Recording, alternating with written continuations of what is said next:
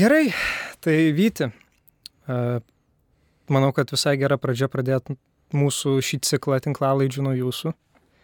Nes tiek. Didelė garbė, labai, kad pakvietėjai. Kaip pirmininkas ir pagalvojau, kad koks žmogus geriau. Aišku, turbūt ir pačiose ateitininkose esat geriausias, žmogu, geriausiai žinomas žmogus, kuriam nereikia rodyti nei nuotraukos, nei ką, turbūt po kunigo Domingo antras, bet vis tiek.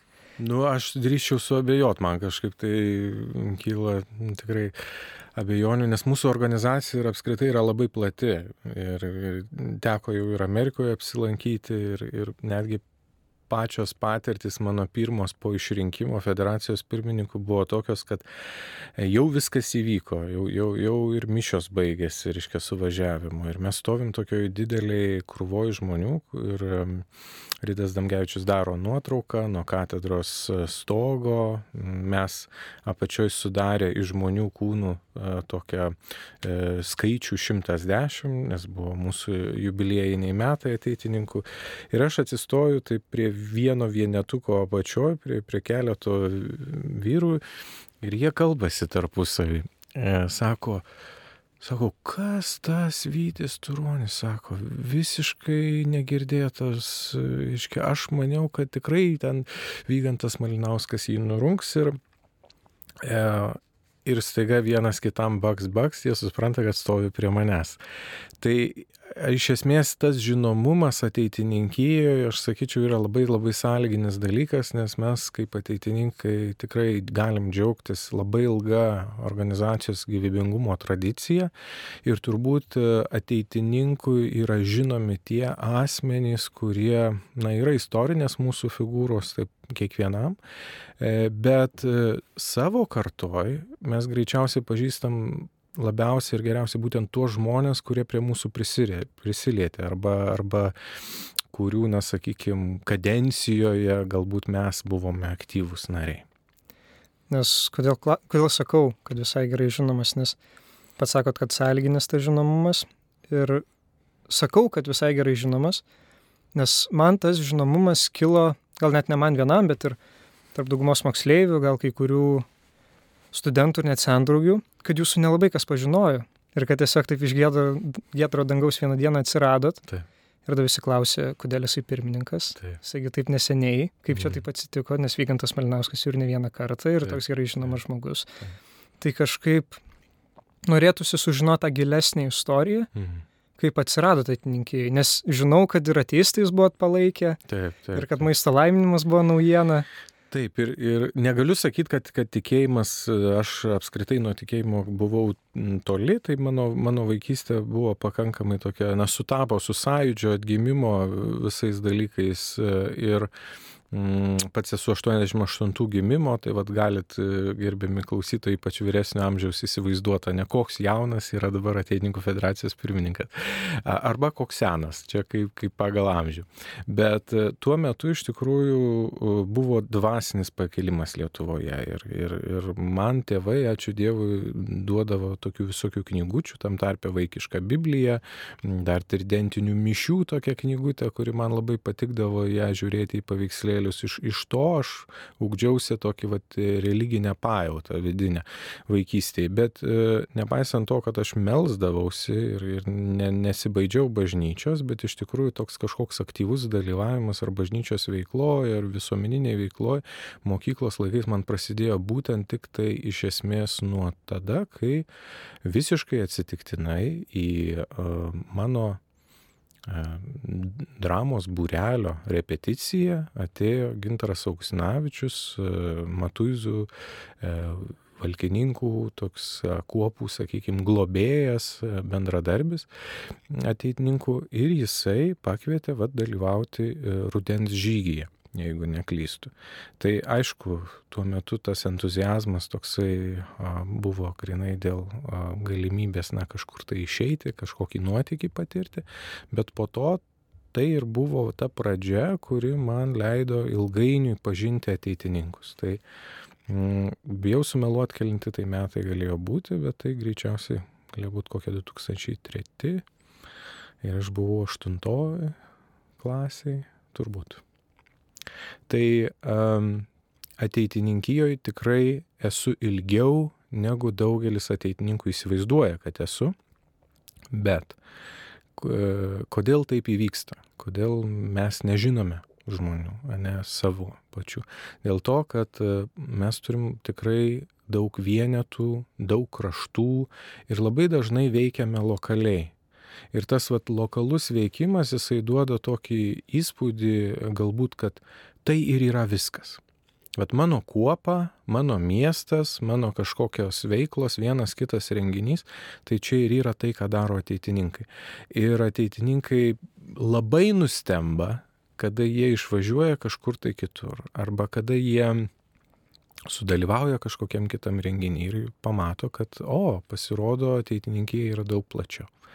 Tai tikrai, žinokit, yra daugybė e, žmonių, kurie yra nusipelnę ir Lietuvai, ir ateitininkijai, ir aš manau, kurių šiandieninis galbūt moksleivis, ateitininkas iš tikrųjų iki šiol net nežino.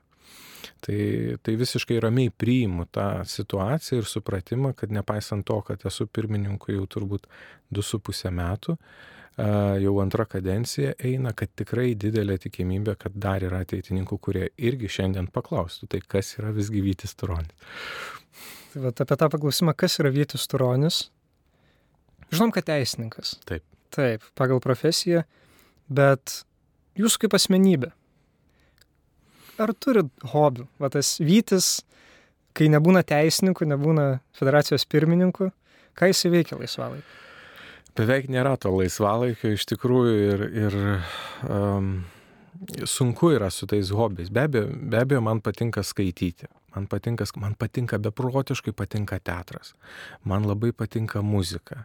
Man uh, sprendimas stoti į, į teisės fakultetą buvo priimtas uh, sveriant kitoje rankoje galimybę būti aktoriumi. Ir, ir buvau e, gavęs kvietimą iš režisierės Adrės Čiapaitės į jos kursą bandyti patekti jos kursą renkamą. Ir, ir štai, bet pasirinkau teisės studijas. Taigi, iš esmės šitas toks laikas ir dabar mano gyvenime, na, kuris yra, jisai tikrai nepalieka labai labai daug erdvės uh, kažkokiai dar papildomai saviraiškai, be visuomeninės ar profesinės praktikos veiklos, uh, bet šiandieninis mano hobis uh, yra, yra mano vaikai, yra mano šeima ir, ir, ir vaikų ūkdymas. Tai kiekvieną likusią laisvą minutę E, nors ne taip tai turbūt turėtų būti tikrai krikščioniškoje šeimoje, ne iš laisvų minučių e, laikas vaikams ir, ir žmonai turėtų susidėti, bet, bet iš tikrųjų mėgaujosi buvimu su savo šeima ir su savo vaikais. Tai tada mes darome daugybę dalykų ir šiuo metu aš atrandu baleto grožį, nes mano dvimetė dukra Emilija, jinai taip e, žavisi baletu, kad netgi e, tenka nueiti kartais šeštadieniais ir į kokį nors pastatymą. Man patinka mano darbas. E, man patinka, baigęs teisės fakultetą, aš iš karto pradėjau dirbti Seime, teisėkuroje, teisės patarėjų. Ir šiuo metu tai yra vienas iš tokių pagrindinių, na ir, ir džiaugsmų, ir skausmų, nes turbūt kiekvienas lietuvis gali įvertinti na, situaciją mūsų, politinę, teisinę situaciją ir Ir tada galbūt e, geros valios žmonės gali ir solidarizuoti su, su tuo mano skausmu, kad ne viskas yra mūsų visuomenėje ir mūsų valstybėje taip, kaip norėtųsi, arba netgi ne viskas yra taip, kaip e, konstitucija įtvirtina, kad turėtų būti. Tai ta praktika Ir čia vat užsiminiau apie konstituciją, šiemet švenčiam 30 metų jubiliejų mūsų Lietuvos Respublikos konstitucijai dabartiniai. Ir, ir vat kyla iš tikrųjų klausimų, žvelgiant į šitą jubiliejų ir į politinį kontekstą labai dažnai, tai kasgi yra ta konstitucija praktiškai, ir tai nėra tai, kuo, kuo mes gyvename iš tikrųjų. Tai žinoti, dėl ko mes susitarėm konstitucijai, kokia turėtų būti mūsų valstybės sąranga, suvokti, kas yra teisės aktų hierarchija, kaip e, skirtingos valdžios turėtų, na, nepažeisti valdžių padalymo principo yra tokie pamatai, e, pagrindai, sakykime, pilietinės visuomenės, bet dėl to, kad jie yra labai silpni, tai iš tikrųjų tenka na, dažnai, dažnai kentėti savo profesinėje veikloje šiuo metu. Tai tada paklausiu šitaip. Ar ateitininkai turi vietos bandyti taisyti tą situaciją, kokia jinai yra po šiolį? Labai geras klausimas. Uh, uh, tikrai gilus. Um, ne tik, aš sakyčiau, pirmiausiai yra erdvės veikti ir yra pareiga veikti. Ir problema yra tik tai tokia, kad šio laikinė visuomenė skatina tą mm, paviršutiniškumą. Ir jeigu mes įsivaizduojam, kad kažkokie esminiai pokyčiai gali įvykti labai greitai, tai taip tikrai nėra. Reikia ne tik mūsų asmeninio angažuotumo ir pasišventimo, bet reikia ir kelti visuomenę netgi su tais, su kuriais mes šiandien nesutinkam, kurie yra gal kitose ideologinėse ar vertybinėse barikadų pusėse, mes turim kalbėtis, nes uždavinys, kuris yra prieš mūsų akis, ta, na, įsivaizduokime, klestinti Lietuva, ne, klišinis pasakymas, bet, bet tarkim, e, dorybinga Lietuva, Lietuva, kurioje gerbiamas žmogaus orumas, e, jinai iš tikrųjų, na, negali stovėti tik tai ant kažkokio tai vieno ar kito teisės akto prieimimo a, pamatų. Galiausiai tai yra, tai priklauso nuo to, kiek daug žmonių, kiek daug piliečių atsisuks a, veidų ir savo kasdieniais sprendimais į, į tas amžinasias vertybės, kurias mes ateitininkai pirmiausiai turėtume patys praktikuoti ir tada iš tos mūsų sėkmės kitiems turėtų imti baisus pavydas ir jie turėtų pradėti galvoti, aš irgi taip noriu. Tai jeigu ne dėl Dievo, tai bent jau iš pavydo turėti gražų gerą gyvenimą. Tai iš tikrųjų yra erdvės veikti ateitininkam, mane galbūt liūdina tai, kad a, tas veikimas jisai labai dažnai a, stokoja kūrybiškumo, nes e, tikrai daugybė jaunuolių ir studentų a, turi savyje tokių idėjų ir kurios juos veža ir kuriuos jie norėtų galbūt su kitais žmonėm įgyvendinti, bet um, pritrūksta drąsos ir tada ateitininkai viešoje erdvėje na, yra matomi labai labai dažnai per tokį trafaretinį veikimą, o kartais ir nebematomi.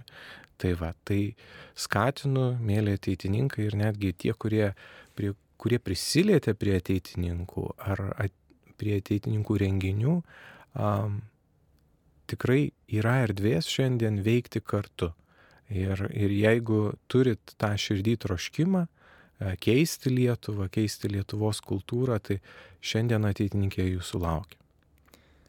Esu girdėjęs iš keleto savo karto žmonių, tokių labiau užsidegusių, kad viskas yra taip blogai, kad netgi gal atitinkamai atėjo laikas kurti partiją. O. Kaip sureaguotumėte šitą tokį teiginį? Na, su partijom kaip yra. O partijos čia yra baisus dalykas. Ne, iš tikrųjų, ką reikia pasakyti Marijos radijo eteriu kiekvieną progą. Katalikai eikite į politiką. Um, dorybingi žmonės, eikite į politiką, eik, stokite į partijas, kurkite partijas, jeigu nenorite stoti į tas, kurios yra. Uh, veikite politiką. Politika yra labai labai geras dalykas, bet reikia atskirti mm, politinės ir nepolitinės organizacijas. Ir ateitininkai savo esme nėra politinė partija. Ir, ir dėl to ateitininkai kaip tokie neturėtų ir steigti tokios partijos. Ir, na, aš nepritarčiau, kad atsirastų kada nors Lietuvoje ateitininkų partija. Dėl to, kad misija pirmiausiai visą atnaujinti Kristuje prasideda kiekvieno žmogaus širdėje. Ir aš tikrai tikiu kultūriniu pokyčiu, labiau negu politinė programa.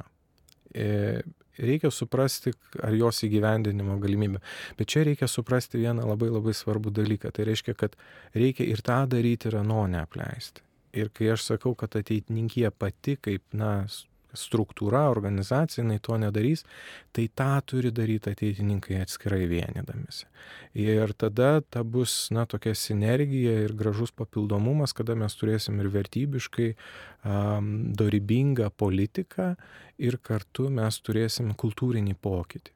Bet kaip ateitininkų federacijos pirmininkas savo pirminį dėmesį, pagrindinį dėmesį skiriu būtent tam, kad ateitininkė būtų pažadinta šitam kultūriniam pokyčiui, kurio mums trūksta. Nes, vad, kodėl užsiminiau apie partiją, ne vieną kartą, nu ir dabar netgi paminėjot kalbose, kad atininkai vis dėlto yra sąjudis. Taip. Ir sąjudis. Ir sąjudis, taip, reikėtų taip sakyti. Ir gal tas kažkaip tą galima įprasminti šitais neramiais laikais, kad ir irgi minėjot, kad, pavyzdžiui, esame nenusipelnę susigražinti kol kas atininkų rūmų. Mm, taip, bet čia reikėtų turbūt žmonėm paaiškinti, nes tą pasakius. Aš tą sakiau turėdamas omeny, kad taip ateitininkai turi nekilnojamo turto jau dabar, kurio nelabai, kaip čia pasakyti, neoptimaliai su juo tvarkosi. Todėl mes turim sustiprėti dorybėmis, kad gerai susitvarkytume tai, ką jau turim ir tada atsigrįžtume, atsigręžtume į tą praeitį istorinę ir pasižiūrėtume gerai. Įvyko milžiniškas nusikaltimas, ne, sovietai nusavino ateitininkų rūmus, mūsų nuosavybę ir, ir, ir, ir mes tikrai turime moralinę teisę atgauti tuos rūmus, bet atgavę mes neturėtume manyti, kad na tai kažkaip neužkelia mums atsakomybės. Kiekvienas turtas, kurį turi, jį reikia išlaikyti, jį reikia įveiklinti, investuoti ir va tada, kai mes būsime pajėgus tikrai tą daryti ir kad mumis didžiuosi žmonės, kurie sakys, štai jie ne prašvaistė kažką, ne, turtą, kaip koks ten sūnus paprašęs palikimo per anksti iš savo gyvo tėvo, bet kaip tie, kurie pagausino, kaip tie, kurie praturtino, tada, jeigu mes būsime tokie pasiruošę, tada aš tai būsiu pirm, pirmas tame žygyje iš tikrųjų. Tai gal tada ir yra kelias per tokią aršią politiką? Na, vat per vidinį pasikeitimą. Nes uh, aš gal ne, neleidau suformuoluoti tau iki galo klausimo, bet apie, apie pertraukiau grinai dėl, dėl turto, bet um, arš, aršumu tai apskritai nieko nepasieksi. Ir, ir žmonės, kurie žino, kiek stipriai aš veikiu visuomeninėje erdvėje, tai jiems gali čia dabar toks uh, iškilti na, kognityvinis disonansas, reiškia, nes viena vertus aš tikrai aktyviai veikiu ir savo pavyzdžių rodau, kad tą reikia daryti, bet kita vertus sakau, kad tai nėra panacėja. Tai, tai supraskim šitą dalyką, kad man tikrai daug svarbiau negu kažkoks tai priimtas vienoks ar kitoks teisės aktas valstybė yra kaip žmonės praktiškai gyvena. Ir jeigu mes vieną deklaruojam, bet gyvenam kitaip, tai man yra didesnis dėl to širdies skausmas. Gali būti tobuliausiai įstatymų. Mūsų konstitucijos tekstas, fantastiškas tekstas. Bet ar jis šiandien priverčia susilaikyti žmonės prieš mm, darant, na, tikrai žiaurius sprendimus savo gyvenime, pavyzdžiui, skirybos, mm, abortai, Ar, ar tai sulaiko mus, ar tekstas, ar įstatymas sulaiko mus nuo to? Mm, nemanau. Aišku, jis daro įtaką. Reiškia, įstatymas kuria normą visuomeniai. Bet jeigu visuomenėje yra įsišuknyjusios darybės, e, prasideda atvirkštinis procesas. Tai dar kartą man belieka tik tai paskatinti ir pasakyti, kad tada, kai mes įveikėme save, kažkokioj nuodėmiai, pavyzdžiui, įdoj, tai mes jau padarom vieną žingsnį link geresnės Lietuvos. E, apskritai, jauni, jauni žmonės turi tokį gerą vidinį, e, kaip čia pasakyti, na, tokį jausmą ir, ir, ir Šalkauskis yra tą įvardėjęs kaip, kaip gyvąją dvasę. Ir, ir be bejonės, kad jau ėmėsi ir tokios laidos formato e, kūrimo, tai yra tavyje. Ir, ir aš galvoju, mm, kaip tu matai tą ateities Lietuvą. E, ir aš suprantu, kad tame gali būti ir pilkų šešėlių, ir tamsių dėmių, ir baltų dalykų, bet man va įdomu, va ta viltis, kuri tave verčia eiti įkurti ateities Lietuvoje. Kas tai yra? Manau, man ta viltis yra tai, kad per tai, ką darom, Mhm. bet, pavyzdžiui, kaip atitinkai, Taip. kad tai turės didesnį įtaką, negu mes tikimės. Nu, Aišku, tai yra labai įdomu. didelė Mhm. fantazija. Ambicinga. Taip, Ambicinga tikrai ambicinga. fantazija, Mhm. ypač kai dabar silpstam, tiesą pasakius. Tu taip manai. Aš manau, Aha. iš savo tarpo, matydamas žmonės, visai manau, kad dabar gauna, na, aš, aš, aš apie savo kartą šnekėsiu, kad Taip, žmonės gauna ne tai, ko tikisi. Ir gal tas yra ir iš nesusipratimo, ir iš to jauno pasimetimo. Aišku, aš irgi negaliu kalbėti, aš irgi darau klaidų Mhm. ir tikrai gal dabar irgi nusišneku, bet aš bent jau taip galvoju, kad reikia labai stipriai nuo ankstaus laiko, Mhm. ką daro labai gerai ateitininkai, Taip. sakyt, kas yra teisinga bendrai. Taip. Ir Lietuvai, ir jaunimui, ir taip toliau.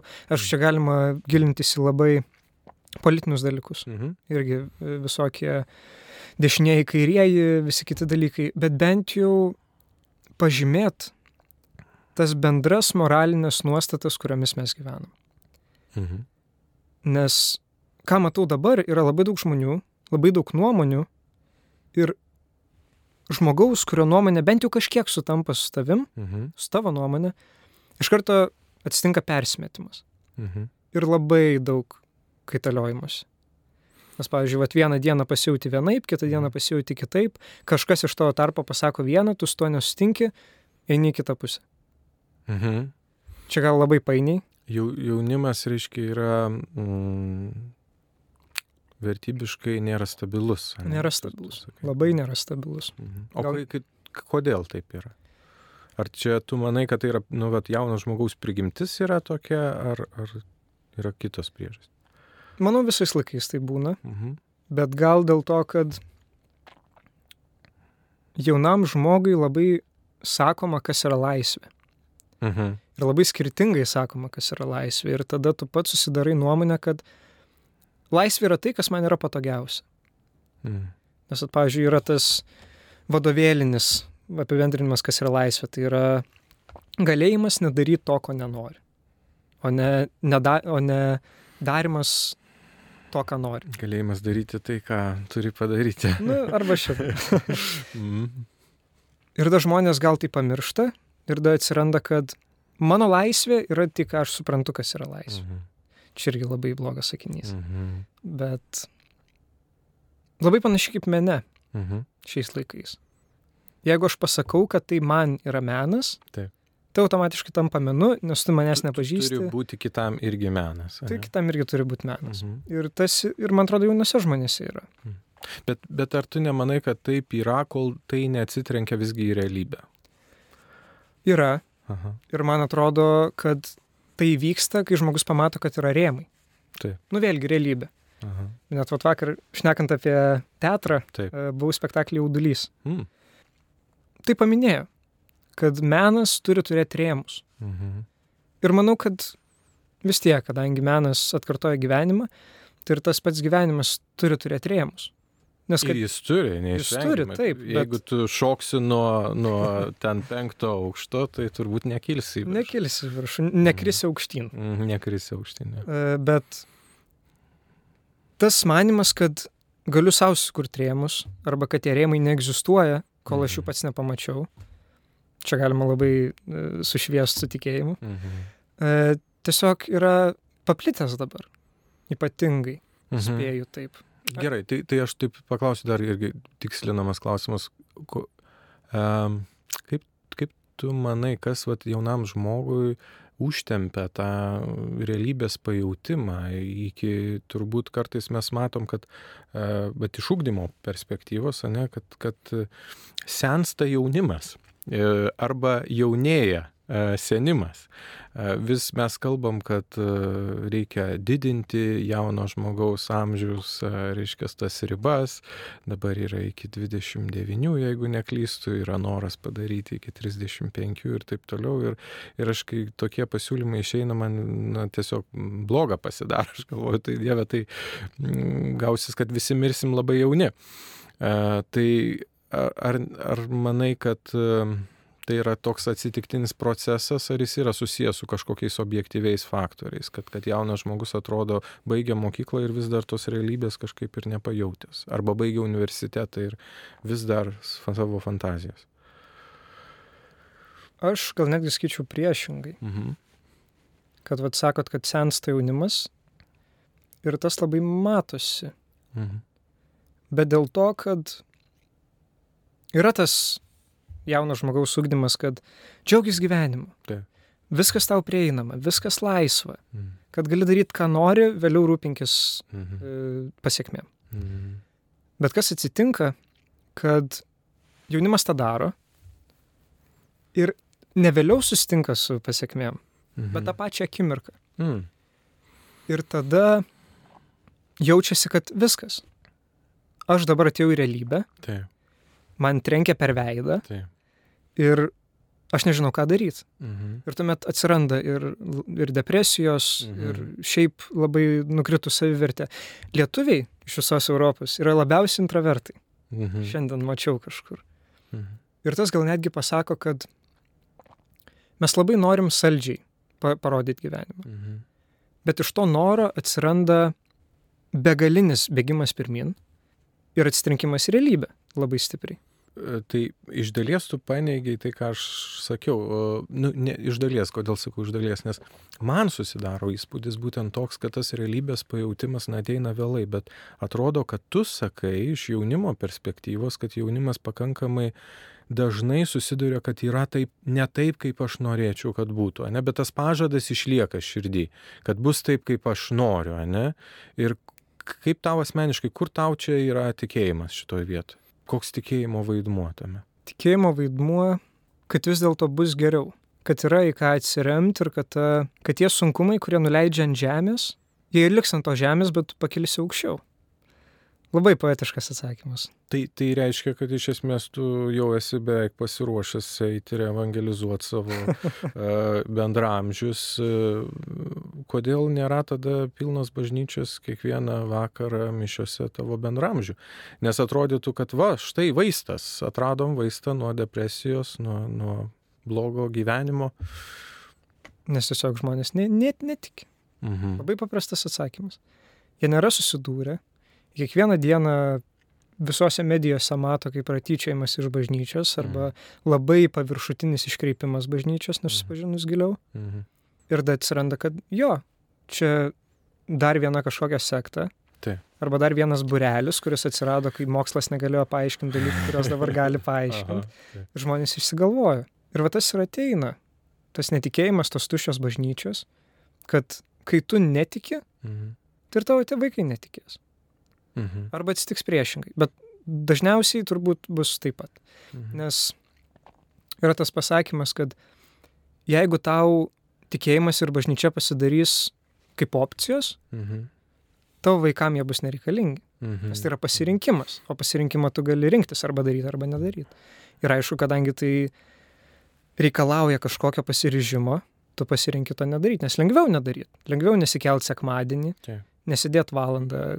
Bet, bet čia tik tai iš išorės žiūrint, ne taip, nu, ta, ta va tokia šiaudinė kaliausė, bet, bet yra daugybė jaunimo, kuris ateina į bažnyčias ir mes matom juos nuostabiai veikiančius, evangelizuojančius, juos nešančius viltį į jaunimo tarpę. Ir, ir aš nebejoju, kad tu esi irgi vienas iš tų žmonių, kuris nepraleidžia progos paliudyti savo tikėjimą. Ar, ar, ar tu gali vat, pasidalinti kažkokią vat, konkrečią istoriją, kaip tavo liudijimas buvo viltis kitam žmogui, kuris neturi tikėjimo. Irgi labai paviršutiniškai. Mhm. Nes yra mokykloj e, keletas vaikinų, su kuriais aš kartais pasišneku. Ir kažkaip, neatsimenu, bet išsir- išsirutuliojo ta kalba apie tikėjimą.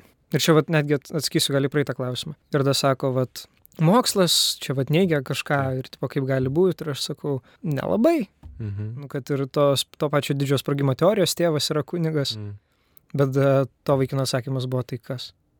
Koks skirtumas. Mm. Okay. Mhm. Nes tiesiog gal nerūpi žmogui. Nes dabar yra tokie laikai, kada tu pasirenki nesirinkti pusės. Aha, labai įdomu. Nes labai patogu. Taip.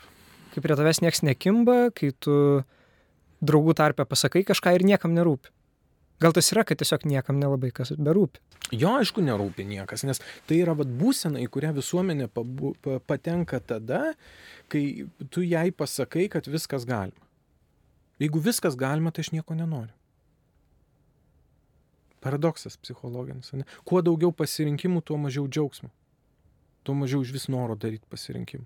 Nes pasirinkimų, žmogus turėtų du pasirinkimus, supranti, gyvenime ar vieną ir jam galėtų užtekti pilnai.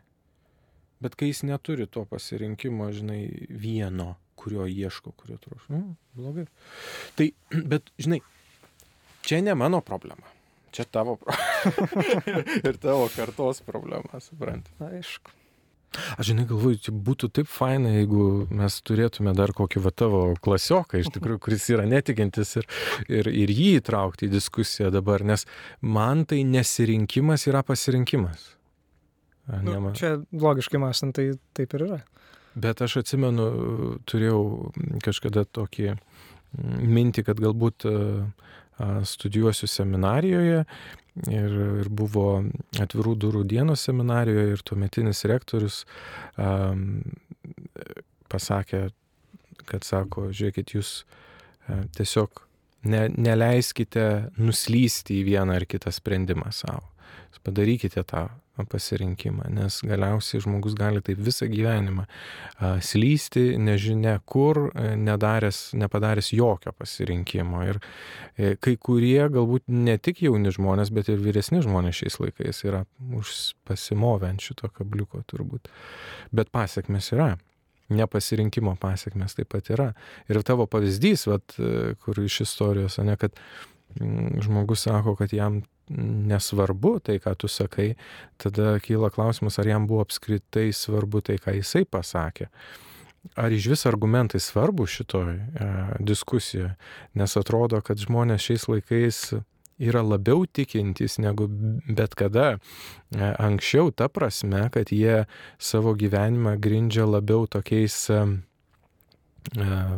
prielaidom, galbūt ne, net tomis, kur įsitikinimais, ne kažkokiais, e, kurie nėra susijęs su tikėjimu be bejonės, bet jie žmogui sukuria kažkokią galvoje jo pasaulio tvarką, kuri vėl, vat, kaip ir kalbėjom, jinai nesiremia niekaip į tą objektyvę realybę. Ir, ir, ir tai yra keista, nes vieno jauno žmogaus, ir ne tik jauno, bet bet kurio, manau, troškimas turėtų būti pažinti realybę, kokia jinai yra.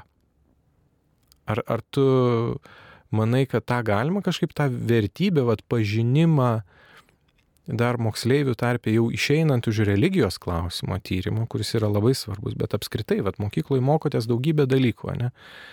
Tai ar galima kažkaip sugražinti tą švietimo procesą prie to, kad mes bandytume tikrai trokštume pažinti realybę, kaip kokia jinai yra? Ar yra tame vilties Tok, tokiam būdė? Manau taip. Mhm. Bet reikia labai užsidegusių ir dirbančių žmonių. Pedagogų, tikrų pedagogų. Jaunimo. Ir jaunimo, taip. Ir, ir pačių moksleivių. Mhm. Pedagogai, aišku, labai stiprus dalykas, nes dabar su mokytais nelabai ką padiskutuosi, nes tai yra jų darbas. Jeigu aš galvoju iš pasakojimų, bet anksčiau, jeigu mokytas būdavo kažkoks autoritetas, mm. žmogus, su kuriuo tu gali prisėsti, padiskutuoti, pakalbėti, dabar žmogus, dabar mokytas yra žmogus, kuris dirba darbą. Jis tau ten ataiškina kažkokią istoriją arba kaip augalas auga, mm. arba kaip kosmosas veikia. Ir viskas. Mm. Nes yra pertrauka, mm. tu eisi kitą pamoką, dar sėdėsi ir eisi kitą pamoką. Mm. Ir taip sukasi ratas. Ir ta realybė tampa kalimas, mm net jau tau pasidaro nebeįdomu. Tiesiog iškali faktus, Taip. Tu nesidomi, tu nes, neturi su kuo domėtis. Mhm. Nėra kultūros domėjimosi. Visiškai. Ne. Ieškojimų. Mhm. Nebent tai, ko nemoko mokyklai. Aha. Ir tas tikrovės pažinimas tada ir atsiranda per uh, visokias konspiracijos teorijas, mhm. podcastus mhm. taip toliau. Bet gal dėl to, kad tiesiog yra atrinkti dalykai, kurie yra svarbus. Aš neskau, kad dabar mokyklai mokami dalykai nėra svarbus. Mhm. Bet vėlgi, čia irgi diskutuotinas klausimas, ar jie yra įdomus. Mm. Tai man atrodo, tas tikrovės pažinimas atsiranda iš to, ar tu pats nori, kad žmogus įtikėtų, kad tai yra tikrovė? Ir kiek tau svarbu, kad tai yra tikrovė? Mhm. Nes aš garantuoju, bet koks mokytas, kuris moko tą dalyką, sako, čia yra svarbiausias dalykas žemė. Tu turi išsilaikyti mano Ar dalyką. tikrai taip sako? Taip. Mhm. Na, jeigu paklausi biologijos mokytojo, Mhm. pasakys, kad pražūsi be biologijos. Jeigu Mhm. paklausi istorijos mokytojo, sakys, pražūsi be istorijos. Mhm. Ir tada ta realybė atsiranda toks kratinys visko. Mhm. Tu pažįsti tą realybę per mokslą. Bet Bet ar tai, ką jūs moko mokyklose, ar, ar tai gali jūs nukreipti į laimę e, gyvenime? Ir man atrodo, kad taip iš dalies bent jau, bet to nepakanka. Tai kur jaunimas dabar ieško tos laimės? nesimokym.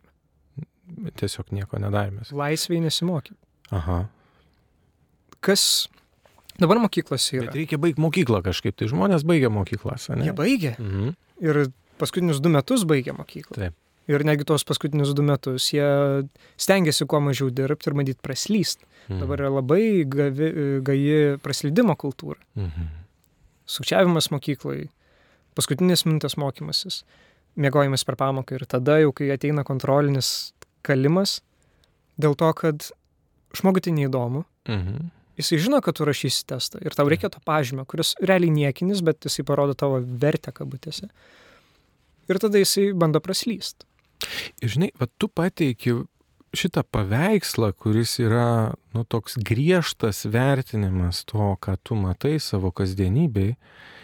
Ir visgi, nepaisant to, mes galim pasakyti, kad tokioje atrodo, nu, mirusioje kultūroje ne, yra žmonių ir jaunų žmonių, kurie deda nepaprastai didelės pastangas į savęs lavinimą. Jų, aišku, juos veikia kontekstas, ne tas, bet, bet jie ieško ir jie randa. Jie grežiasi į vertybės ir jie dar vis randa žmonių, kurie ne tik kalba apie jas, bet ir jas praktikuoja. Ir man atrodo, vat, kodėl ateitininkija yra reikalinga ir kodėl ateitininkija yra sąjūdis, o tai irgi ką, ką užsimini.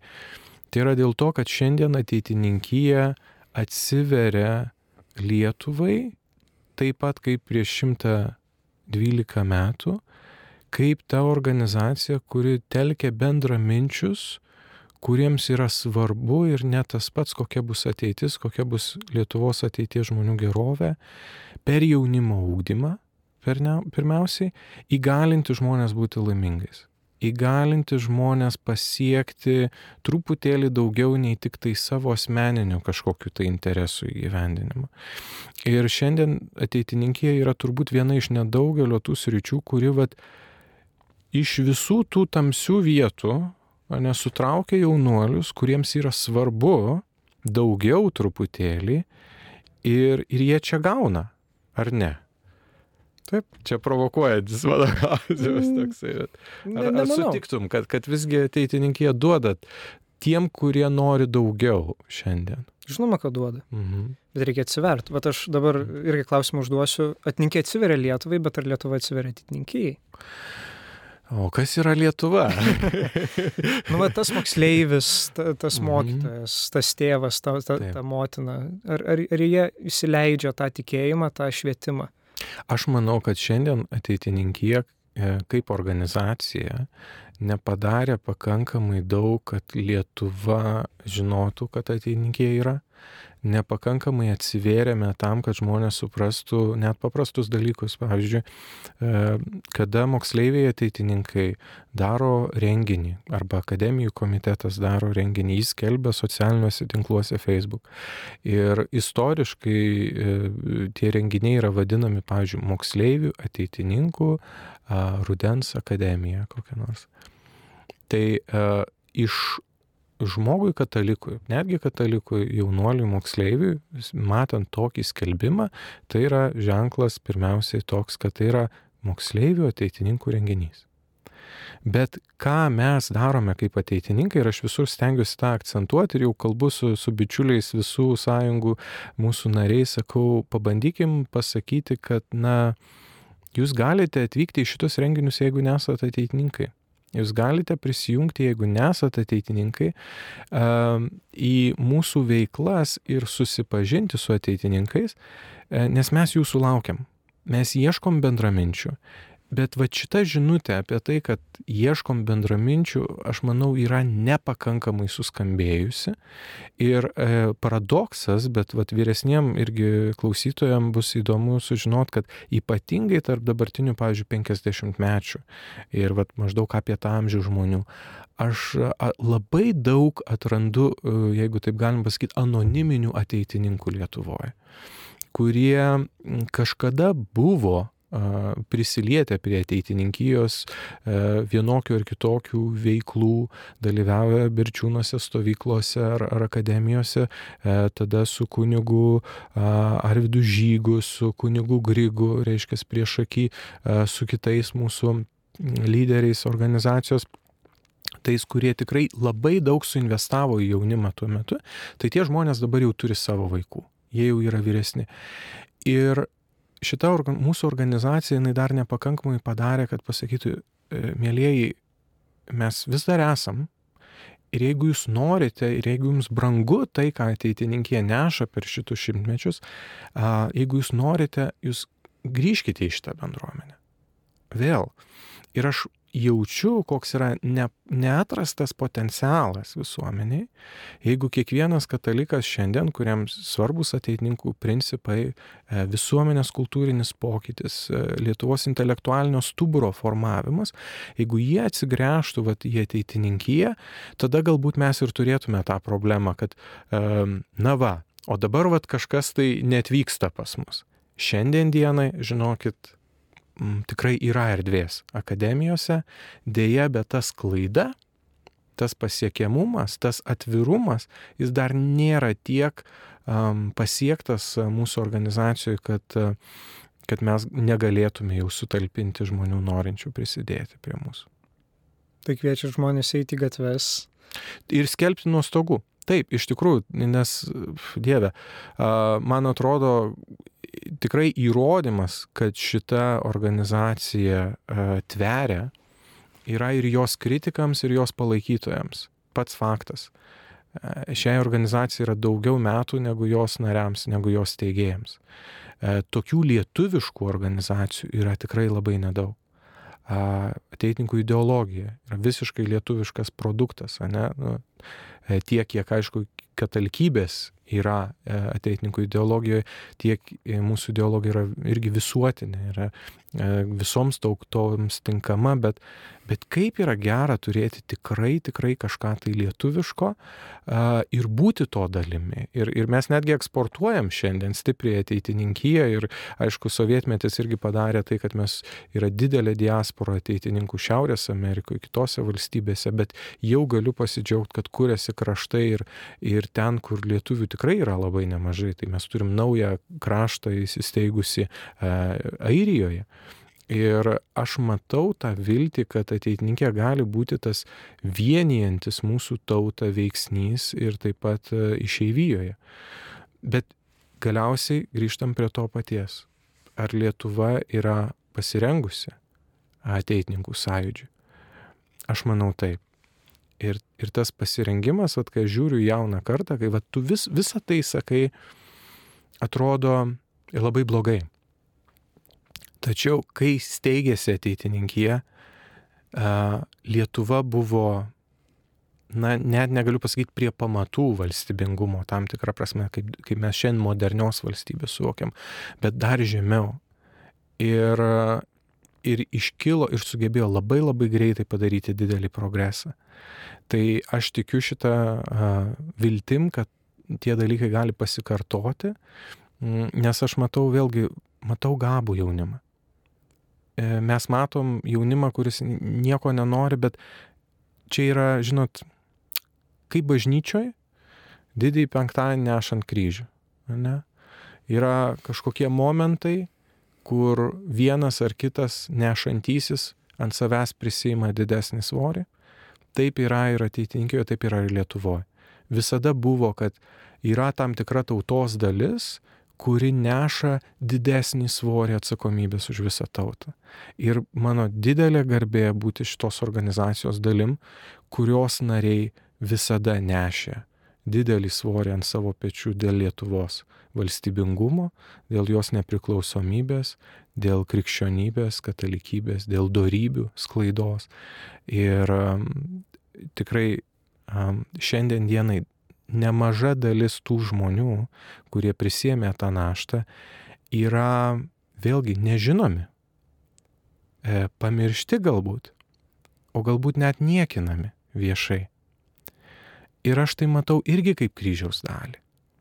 Ir dėl to ateitininkija vėlgi nėra tiems, kurie mano, kad tai yra kažkoks garbės dalykas, nes vėlgi po išrinkimo pirmojo vienas advokatas, mokslų daktaras prie, prie mane sako, nu, sako, šiaip jau aš gerbiu ateitininkų pirmininkus federacijos, sako, nei garbės, nei pinigų, sako, vien vargas. Tai iš esmės tai, kas yra federacijos pirmininko kasdienybė, tai yra ir kiekvieno, kuriam rūpi e, Lietuva kasdienybė, nes mane dažnai kritikuoja, vat, moksleiviai, tarp kitko irgi, kad aš sako, mažai, mažai šypsosi, ne? ir aš kartais būna kokis pranešimas, skaitau renginį irgi. Ir ten mūsų vidiniam tinklė ateina koks žinutė, tai galėtų bent nusišypsoti ar dar kažką. Ir, ir man e, džiaugiuosi, kad, kad e, jaunimas na, nori to, to pozityvo ir panašiai, bet kaip ir pasiteisindamas noriu pasakyti, kad tas kartais rūp, rūpestingas veidas, e, jis nėra piktas. Ir aš manau, kad šiandien Lietuvoje mes irgi, vat, kaip tu sakai, yra daug introvertų ir yra daug tokių kartais e, rūpestingo veido žmonių. Ne? Tai nežiūrėkim vieni į kitus kaip į piktus, bet žiūrėkim į vieni kitus kaip iš tikrųjų galbūt susirūpinusius dėl Lietuvos ateities ir tada šypsena atsiranda tada, kai tu pajauti bendrystės jausmą. Kai tu sutinki tokį pat susirūpinusi ir galvoji tada, aš nebe vienas. E, ir man, jeigu vat klaustų mane, kur, kur mano viltis, tai štai čia ir yra viltis. Kad tikinti žmogus niekada nėra vienas, jis visada jaučia tiek Dievo paramą, tiek tų, kurie, kurie jam šiandien yra atsiunčiami paramą. Tai vad, taip, naudodamasis progą dar kartą kviečiu, mėlyjeji, atvykite, prisijunkite prie mūsų renginių ir taip pat prie mūsų veiklų, nes šiandien ateitininkiai labai labai reikia jūsų širdžių, protų ir rankų. Ar pamatysim kada nors ateitininkų vardą istorijos vadovėliuose? Jis jau yra. Jis jau yra istorijos vadovėliuose ir daugybėje. Ir man turbūt e, būtų smagiau pamatyti ateitininkų vardą aikštėse. E, man smagu būtų matyti ateitininkų vardą kavinių pavadinimuose, nežinau, juokauju, bet iš esmės aš tikrai manau, kad ateitininkijos bruožas yra tai, kad ateitininkija neneša savęs pačių. Mes taip pat kaip krikščioniška organizacija pirmiausia liudijam e, Kristų, e, bet mes taip pat trokštam, kad išryškėtų visuomenėje tai yra kas gera ir kilnu ir gražu. Ir, ir dėl to va, tas įprotis e, ne save rodyti kitiems, bet iškelti tai, ką mes laikom vertinga. Ir jeigu ateityje nebeiš, nebebus ateitininkijos kaip tokios, bet išliks tai, ką ateitininkiai puoselėja ir vertina, aš manau, kad tai bus didžiausias ateitininkų nuopelnas. Bet be bejonės, ateitininkija tikrai gyvuos tol, kol gyvuoja Lietuva ir kaip istorija mus moko, netgi tam tikrais tarpsniais bus gyvybingesnė nei pati Lietuva. Bet paminėjo tą ėjimą į gatves, lipimą ant stogų, bet pripažinkim faktą, bijom. Labai stipriai bijom, mm. labai nenorim, labai nenorim kažkam pasidaryti nepatogus ir mm. labai bijom išeiti iš savo komforto zonos. Aš net sakyčiau, kad nu aš to niekada nepadaryčiau. Wow man net kai vykdavo savaitgaliai, būdavo netgi šiek tiek gėda, kai eidom ga gatvėje su vėliava ir skanduodom tokią skanduotę, Aha. kad esame stidininkai, kurie matyti prasminga. Tad iš kur suras tos drąsos? Iš kur nebijot krist, keltis, iš kur nebijot sakyti, aš ateitininkas, klauskit manęs ir dar būtų gerai, kad prisijungtumėt. Oi, čia, čia labai platus klausimas, vos netiktų pirmam klausimui ir tada galėtume valandą prašnekėti, bet aš pabandysiu labai labai kiek įmanoma trumpiau. Tai pirmiausiai, mm, sakykime taip, šiandien net ir važiuodamas į laidos įrašą klausiau vieno gero pamokslininko minčių apie tai, kad iš tikrųjų yra skirtumas tarp gerumo ir meilės. Ir, ir mes labai daug šiuolaikiniai visuomeniai norim būti geri. Ne, norim būti geri, patogus, norim, vat, nu, vat, tada mus mėgs ir mums patiems atseit bus gerai. Iš tikrųjų, tai e, gali būti toks požiūris, bet jis nėra meilė.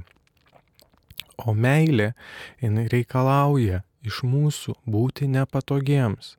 Ir yra daugybė praktinio gyvenimo situacijų, kur jūs patys iš savo patirties galite prisiminti ir suvokti, kad šneku tiesą, kada jūs iš meilės elgėtės taip, kad buvote nei patogus kitam, nei jūs tuo metu būtų galima pavadinti maloniai žmonėmis. Tai e, labai dažnai taip elgesi tėvai su savo mažais vaikais. E, labai dažnai taip mes turim elgtis su savim pačiais, jeigu mes norim kažko tai pasiekti. Ne? Jeigu aš noriu įmesti savo iššūkį ir turėti gra, nu, tokią atletišką figūrą, tai tai, ką aš darau su savo kūnu, jis nemano, kad tai yra gerai. Aš vedu savo kūną į stresą tam tikrą. Ne? Ir jeigu aš lepinsiu atvirkščiai savo kūną ir duosiu jam tik tai tai, ko jisai nori, tai, tai mano figūra nebus labai atletiška. Lygiai tą patį galima su intelektu, su amžinuoju gyvenimu, su profesiniu gyvenimu gyvenimu. Vis, visa tai yra apie tai. Baime be bejonės jaunam žmogui yra didelė, nes jaunas žmogus nori būti, um, kaip čia pasakyti, teisingoje istorijos pusėje. Deja, bet mes niekada negalime būti tikri, kad netgi pasirinkdami, pavyzdžiui, tuo metu dominuojančią poziciją e, visuomenėje mes esame teisingoje istorijos pusėje. Nes jeigu kas nors būtų vat, e, buvęs vat, paauglys, ieškantis, kur, kur yra vat, dabar teisinga istorijos pusė e, nacijų Vokietijoje iškai Hitlerio siautėjimo metais, jis tai turbūt būtų ramiausiai, vat, o štai jie, tie stiprieji, ne, jie dabar siautėja ir jų ideologija, jų pažiūros yra teisingos. Tai tiesos ieškoti.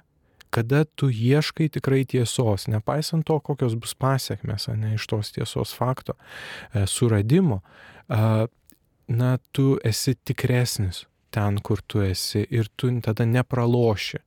Nes va šitą ir, irgi aš sakau, baimė išnyksta tada, kai atsiranda meilė. Kai, kai atsiranda supratimas, kad tavo elgesys yra nebevejamas išskaičiavimo, bet nuoširdaus um, pasitikėjimo uh, tiesa, kurią tu esi atradęs. Ir tada tu gali ir pakentėti dėl tos tiesos. Čia Jėzaus žodžiais, kad nėra didesnės meilės kaip gyvybę už draugus atiduoti. Nu, ar baisu e, dabar atiduoti gyvybę už ką nors, už draugus, ne, už šeimą, už panašiai atrodyt, nu, vat, už, uh, iškia, už šitus žmonės. Yra žmonių, kurie šiandien negalėtų atiduoti gyvybės už savo šeimą, nepaisant to, kad mato juos esant, na, gėri savo gyvenime. Iškai trūksta tos dorybės, kuri leistų šitą pasirinkimą daryti. Tai gyvenam tokiam vadorybių nuopolį, reikia, norint būti drąsiam, reikia praktikuoti darybės, ne, reikia aukti, reikia aukti. Bet sudėti savo viltis ir savo troškimus į nenykstančius dalykus ir išsivaduoti nuo noro atrodyti gerai. Nu, yra tas gundimas, didelis, bet um, tik tada, kada mes išsivaduojam nuo šito, mes galim pradėti vadintis laisvai žmonėm. Tai baimė niekada neduoda gero sprendimo. Ir jeigu jau aš jaučiu kažkur baimę, tokia iracionalią, aš manau, kad e, tai man signalizuoja, kad čia dar trūksta Dievo švieso šitam dalykė. Ir man reikia daryti pastangas, kad e, tos baimės čia neliktų. Bet tada kaip daryti su tai žmonėm, kurie įtikinčiusius, nu, tarkim, kad yra atitinkė, kad ir kokia jinai būtų ir e, patriotiška organizacija ir turinti daug dalykų šalia tikėjimo. Mhm. Aišku, tai yra pagrindinis dalykas, bet aš galima išskirti ir kažkas, kas nebūtinai tiktų tikinčiam žmogui, nes garantuoju, pas mus yra tikrai daug netikinčių. Mhm. Kaip paaiškinti žmogui, kad tu nesi išplautom smegenim, kad tu nesi lepšis ir netiki tik tai dėl to, kad tavo tėvai tave nusivesdavo per Velykas ir Kalėdas į bažnyčią ir kad tai yra protingas dalykas. Nes daug jaunimo, čia aišku labai ilga Mhm. problema ir Mhm. kiekvienais laikais Mhm. jinai yra, Mhm. jaunas žmogus netiki, nes tai duoda kažkokias taisyklės, kurios varžo jo laisvę, tarkim, kabutėse, kuris neleidžia kažko daryti, kuris sako, kad yra kažkokia desnė jėga Mhm. ir kad ta pati mirtis ir Dievo tikėjimas padeda susitvarkyti su mirties baime, su kitais dalykais, engia kažkokias Mhm. mažumas. Mhm. Kaip vat paaiškinti žmogui, kad tai yra daugiau negu išgalvota konspiracija plauti pinigus Mhm. bažnyčios ir Mhm. plauti žmonėms smegenis. Nes tokių žmonių yra belekiek. Nu, čia klasika, aš, aš tokius klausimus keldavau, kai buvo man 16-17 Tai metų. nes manau dabar daug tokių klausosi 16 metų, 17 metų. Jo, tai, tai um, yra, aišku, dabar aš į šitus klausimus truputį kitaip žiūriu, aš galvoju, o, o kodėl aš turiu paaiškinti tam kitam žmogui tą? Nu, ta prasme, o ko- kodėl aš iš visiems turiu ką nors įrodinėti?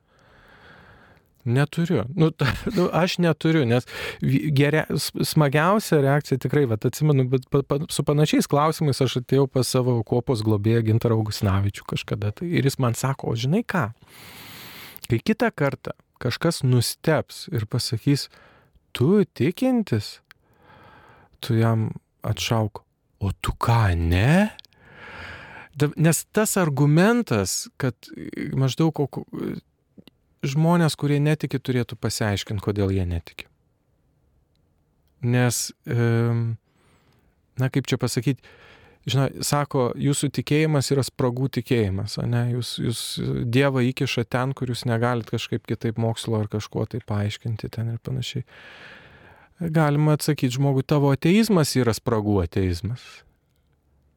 Ir, ir tam tikrą prasme daugelio žmonių ateizmas ar toks, na, sakykime, um, indiferentiškumas Dievo atžvilgiu, jis yra nulemtas jų net nepabandymų iš tikrųjų rimtai pasižiūrėti į tuos klausimus, kuriuos kiekvienas krikščionis kelia savo kasdieną. Ir čia tikrai reikia nu, įsivaizduoti, kaip skiriasi tikinčio ir netikinčio žmogaus gyvenimas. Labai dažnai ateistai galvoja, kad sako, nu jūs, jūs vatavys, ne, jūs, jūs ten einat, kur, nu kvailė, ne, suprask. A, kiekvienas tikintis žmogus kelia tiek daug tikėjimo klausimų savo kiekvieną dieną. Ir tikrai gilinasi, jeigu tam žmogui tai yra svarbu, kad uh, turbūt eilinis, vat, sakau, žmogus, kuris, na taip, paviršutiniškai žvelgia į tuos klausimus, nu jis net rimtai studijuodamas tiek klausimų daug nekelia. Ir kiekvienam, kiekvienas susiduria su savo sunkumais. Ir labai dažnai a, tikėjimo krizės a, yra, na, bandoma spręsti, tikintieji bando jas spręsti didesniu, gilesniu įsigilinimu į savo tikėjimą. Tai aš sakyčiau, kad mes visuomeniai turim puoselėti kultūrinį tokį dialogą tarp netikinčių ir tikinčių žmonių, kurio pagrindas visgi būtų gilinimasis į argumentus. Ir nes argumentai yra vienintelė kalba, kurią mes iš tikrųjų galim. Bet kitas dalykas yra daug, daug stipresnis ir visada buvo tikėjimo liūdėjimas, tai yra, tai yra praktiniai meilės darbai. Nes jeigu tu šiandien dienai a, padarysi gerą darbą netikinčiam žmogui ir jis pasakys, tai yra kvailystė, ką tu darai, tai bus tavo tikėjimo liūdėjimas, nes tik tai Dievo šviesoje tam tikros kvailystės yra padarom. Ir tad yra kyla tada, yra formuojasi pagarba tikėjimui. Kada tos kvailystės yra regimos, matomos. Tai Jėzus ant kryžiaus padarė didžiausią kvailystę žmogiškom akim žiūrint, jeigu jis nebuvo tas, kuo jisai sakėsi esas. Ir mes esam tam tikrą prasme raginami būti geri jo mokiniai. kvailiai pasaulio akise, dėl kurių šitas pasaulis um, pažįsta Dievą kaip tokį, mylinti, bet nebūtinai gerą, populiariają to žodžio prasme. Reikia nesileisti apgaunamam, kad mūšis yra pralaimėtas. Žinai, ne veltui mes skaitome Evangeliją, žinai. Jėzus nugalėjo, žinai. Ar mes gyvenam šitą tiesą, kad Jėzus nugalėjo? Mes turbūt, vat, tada, kai yra vat, šitas baimė, kai dar kažkas, mes negyvenam šitą tiesą. Ir čia yra mūsų problema, kad mes negyvenam šitą tiesą. Ir tai yra visom plotmėm. Socialinė, dvasinė prasme ir panašiai. Tikras krikščionis demonų nebijo. Tikras krikščionis nebijo automato nutaikyto į jo kaktą. Nes ką tas gali padaryti, tik tai atim gyvybę. Tai kas čia? Dabras. Kliūtis čia? Tiesai? Gyvybės praradimas? Ne. Bet jeigu vad žiūrėt rimtai, pavyzdžiui, vat, ateitininkijos prakt... strategija, vat, kaip dabar reikėtų veikti mums, um, tai tiesiog reiktų susirinkti visus žmonės, kurie su mums sutinka. Tas bandymas daužyti galvą į sieną ir įrodinėti kažkam, tai, žinai, kad žmogus nenori klausyti, yra, nu, toks truputį bergžės.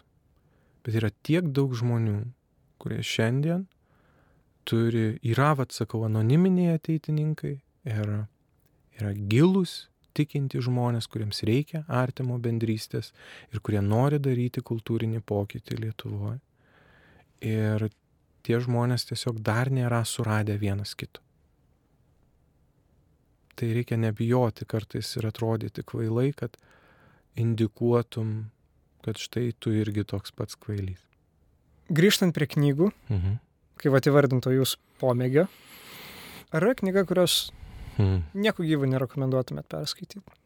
Kas, o, kas yra brudas, reiktų sudeginti. O.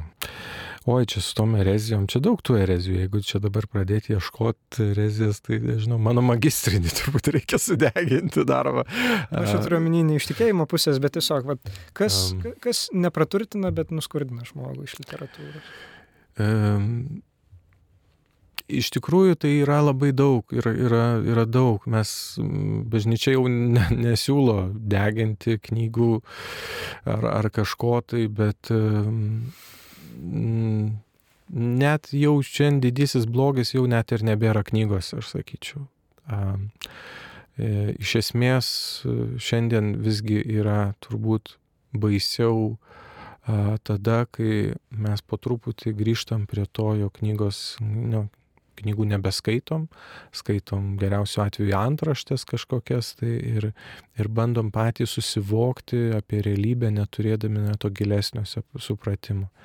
Tai aš sakyčiau, kad e, bet kuri mm, knyga, kuri man neleidžia suvokti daugiau realybės, apie tai, kaip yra iš tiesų, o ne kaip kažkas mano, kad yra, yra jau tokia truputėlį, na, abejotinos vertės, sakykime, reikėtų vengti. Ir, ir aš šiandien pats tikrai netgi, kada tenka susidurti su skirtingų pažiūrų ideologijų žmonėmis, aš, e, man yra svarbu skaityti, pavyzdžiui, literatūrą, jeigu reikia iš profesinės pusės, e, kuri yra ne mano pažiūrų, man yra svarbu skaityti tuos šaltinius, kurie teisingai tą tas kitas pažiūras pristatytų.